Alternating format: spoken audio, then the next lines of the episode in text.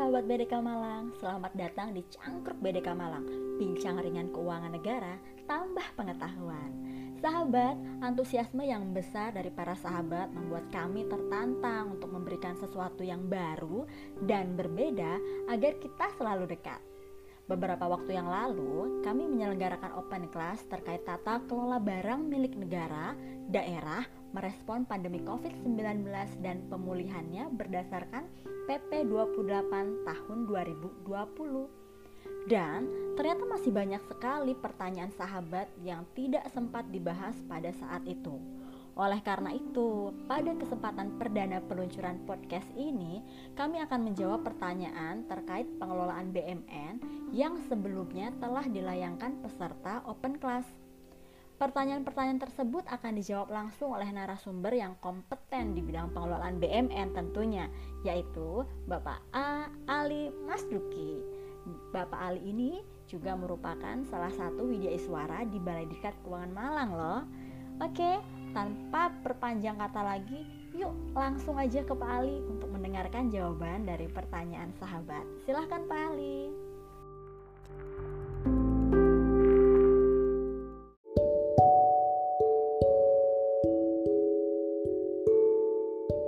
Terima kasih Mbak Usi.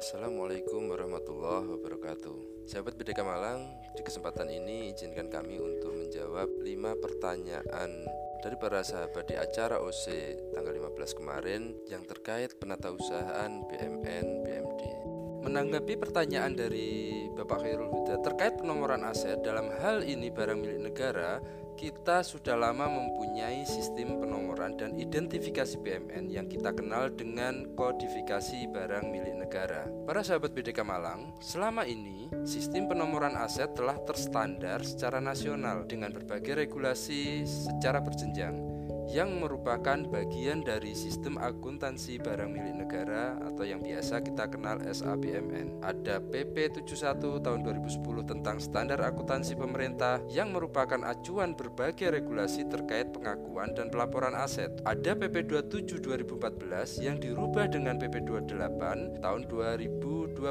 yang barusan kita diskusikan di acara Open Class tentang pengelolaan BMN BMD. Di lingkungan pemerintah pusat atau BUMN juga diatur dengan berbagai PMK dan KMK dalam pelaksanaannya. Untuk para sahabat BDK Malang yang di pemerintah daerah, dalam mengelola barang milik daerah, selain berpedoman pada PP 71, PP 27 yang dirubah dengan PP 28, juga berpedoman pada Permendagri terkait pengelolaan barang milik daerah, serta Perda atau Pergub atau Perwali atau Perbub di masing-masing daerah. Jadi sahabat BDK Malang, untuk barang milik negara atau barang milik daerah sebenarnya tidak banyak format penomorannya. Format penomoran ini sudah di diatur dalam suatu sistem kodifikasi BMN atau BMD yang terstandar. Kita lanjutkan ya Mbak Usi dan juga sahabat BDK Malang semuanya ke pertanyaan kedua. Pertanyaan kedua ini oleh Bapak Moh Arif Mujaki. Pertanyaannya adalah bagaimana dengan pencatatannya oleh petugas persediaan dan petugas simak BMN? Apakah dicatat secara gelondongan terlebih dahulu atau dicatat belakangan atau yang lainnya? baik uh, buat Bapak Moh Arif Muzaki dan juga sahabat BDK Malang semuanya di dalam PP 71 terkait kebijakan akuntansi sudah diatur tentang bagaimana pengakuan atas aset baik itu persediaan ataupun aset tetap yang dalam hal ini masuk kategori barang milik negara atau barang milik daerah. Pencaratan oleh petugas persediaan atau petugas simak BMN disyaratkan di titik pengakuan masing-masing. Misalkan, untuk persediaan diakui pada saat ada serah terima. Demikian pula untuk aset tetap atau BMN yang non persediaan setelah berpindahnya hak kepemilikan maka di titik itu pula kita sebagai satuan kerja mulai melakukan pencatatan tentunya harus berdasarkan dokumen sumber yang valid itu Bapak Arif Muzaki jadi tidak boleh ya kalau kita catat gelondongan itu di depan baru atau dikumpulin di akhir.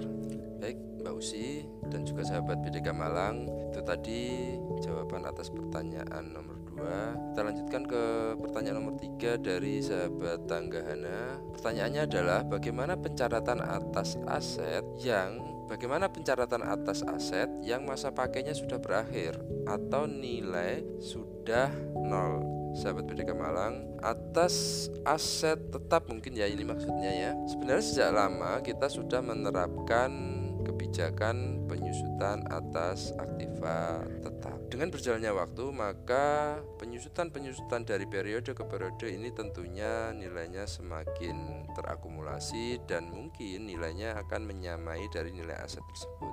Tapi bukan berarti nilai tercatat aset tersebut menjadi nol. Nilai sisanya memang kalau dibandingkan dengan akumulasi akan menjadi mendekati nol. Dalam hal ini, nilai aset tidak berubah, Bapak Ibu sekalian, para sahabat, sampai aset tersebut dilakukan penghapusan atau penilaian kembali. Sedangkan untuk aset yang masa pakainya sudah berakhir, perlu kita sadari bahwa masa pakai itu kan adalah masa pakai normal atau umur ekonomis aset yang secara normal diprediksikan untuk digunakan. Akan tetapi jika secara nyatanya aset tersebut masih bisa dimanfaatkan, bisa digunakan, tentunya aset tersebut ya tetap kita gunakan dan juga tetap tercatat di dalam catatan sistem kita. Aset tersebut akan bisa hilang dari catatan kita jika kita melakukan proses mekanisme penghapusan. Demikian tadi jawaban atas pertanyaan nomor 3 dari saudara tangga Hana.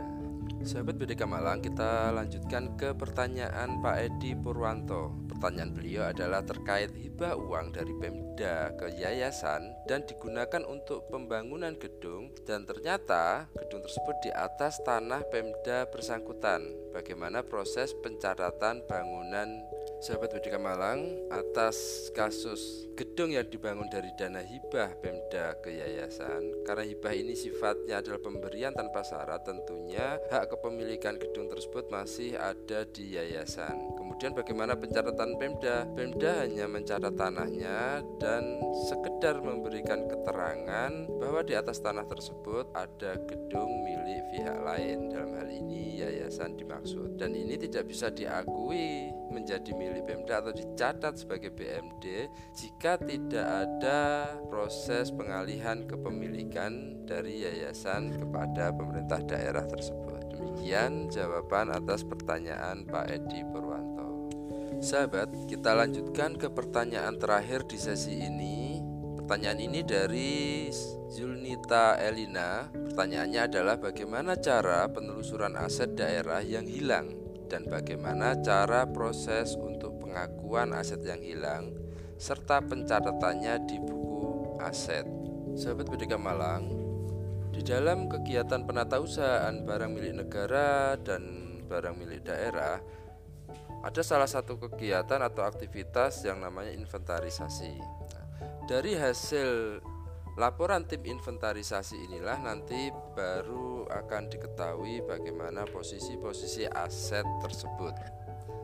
Untuk posisi aset yang tidak diketemukan atau hilang, maka seharusnya dilakukan yang namanya tindak lanjut inventarisasi. Salah satunya adalah dengan melakukan penelusuran aset daerah yang hilang ini.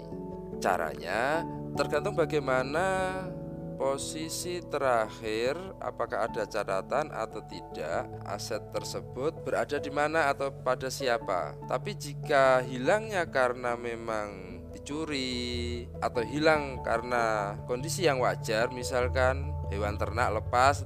Tentunya kondisi hilangnya ini yang harus kita pilah-pilah dulu. Jika karena pencurian berarti proses lebih lanjutnya adalah kita membuat laporan ke pihak yang berwajib. Tapi kalau hilangnya secara wajar maka dengan surat tanggung jawab mutlak dari KPB ini bisa sebagai dasar untuk mengusulkan penghapusan. Tapi jika hilangnya ini tidak diketemukan dan belum ketemu siapa yang harus bertanggung jawab atau di mana posisinya. Jadi posisinya sebenarnya aset ini belum hilang, tapi perlu dilakukan penelusuran. Nah, Tentunya selama masih dalam proses penelusuran aset tersebut pengakuannya masih tetap ada di kita, masih ada di catatan kita, masih ada di buku aset kita sampai nanti diputuskan penelusuran ini dihentikan dan diketemukan hasil apakah hilang ini benar-benar sudah tidak bisa ditelusuri lagi.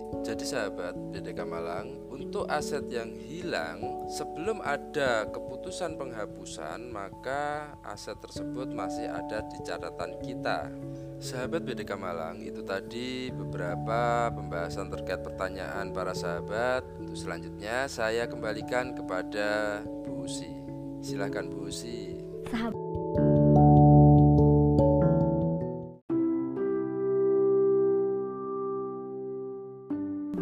Demikian tadi jawaban atas pertanyaan terkait pengelolaan BMN sesi pertama. Semoga apa yang disampaikan dapat memberikan manfaat bagi sahabat semua. Nantikan podcast sesi selanjutnya yang akan menghadirkan narasumber dari unit teknis hanya di Cangkruk BDK Malang. Jangan lupa untuk follow Instagram, Facebook, dan YouTube channel BDK Malang untuk tahu info lengkapnya ya. Cangkruk BDK Malang, bincang ringan keuangan negara, tambah pengetahuan. Sampai jumpa.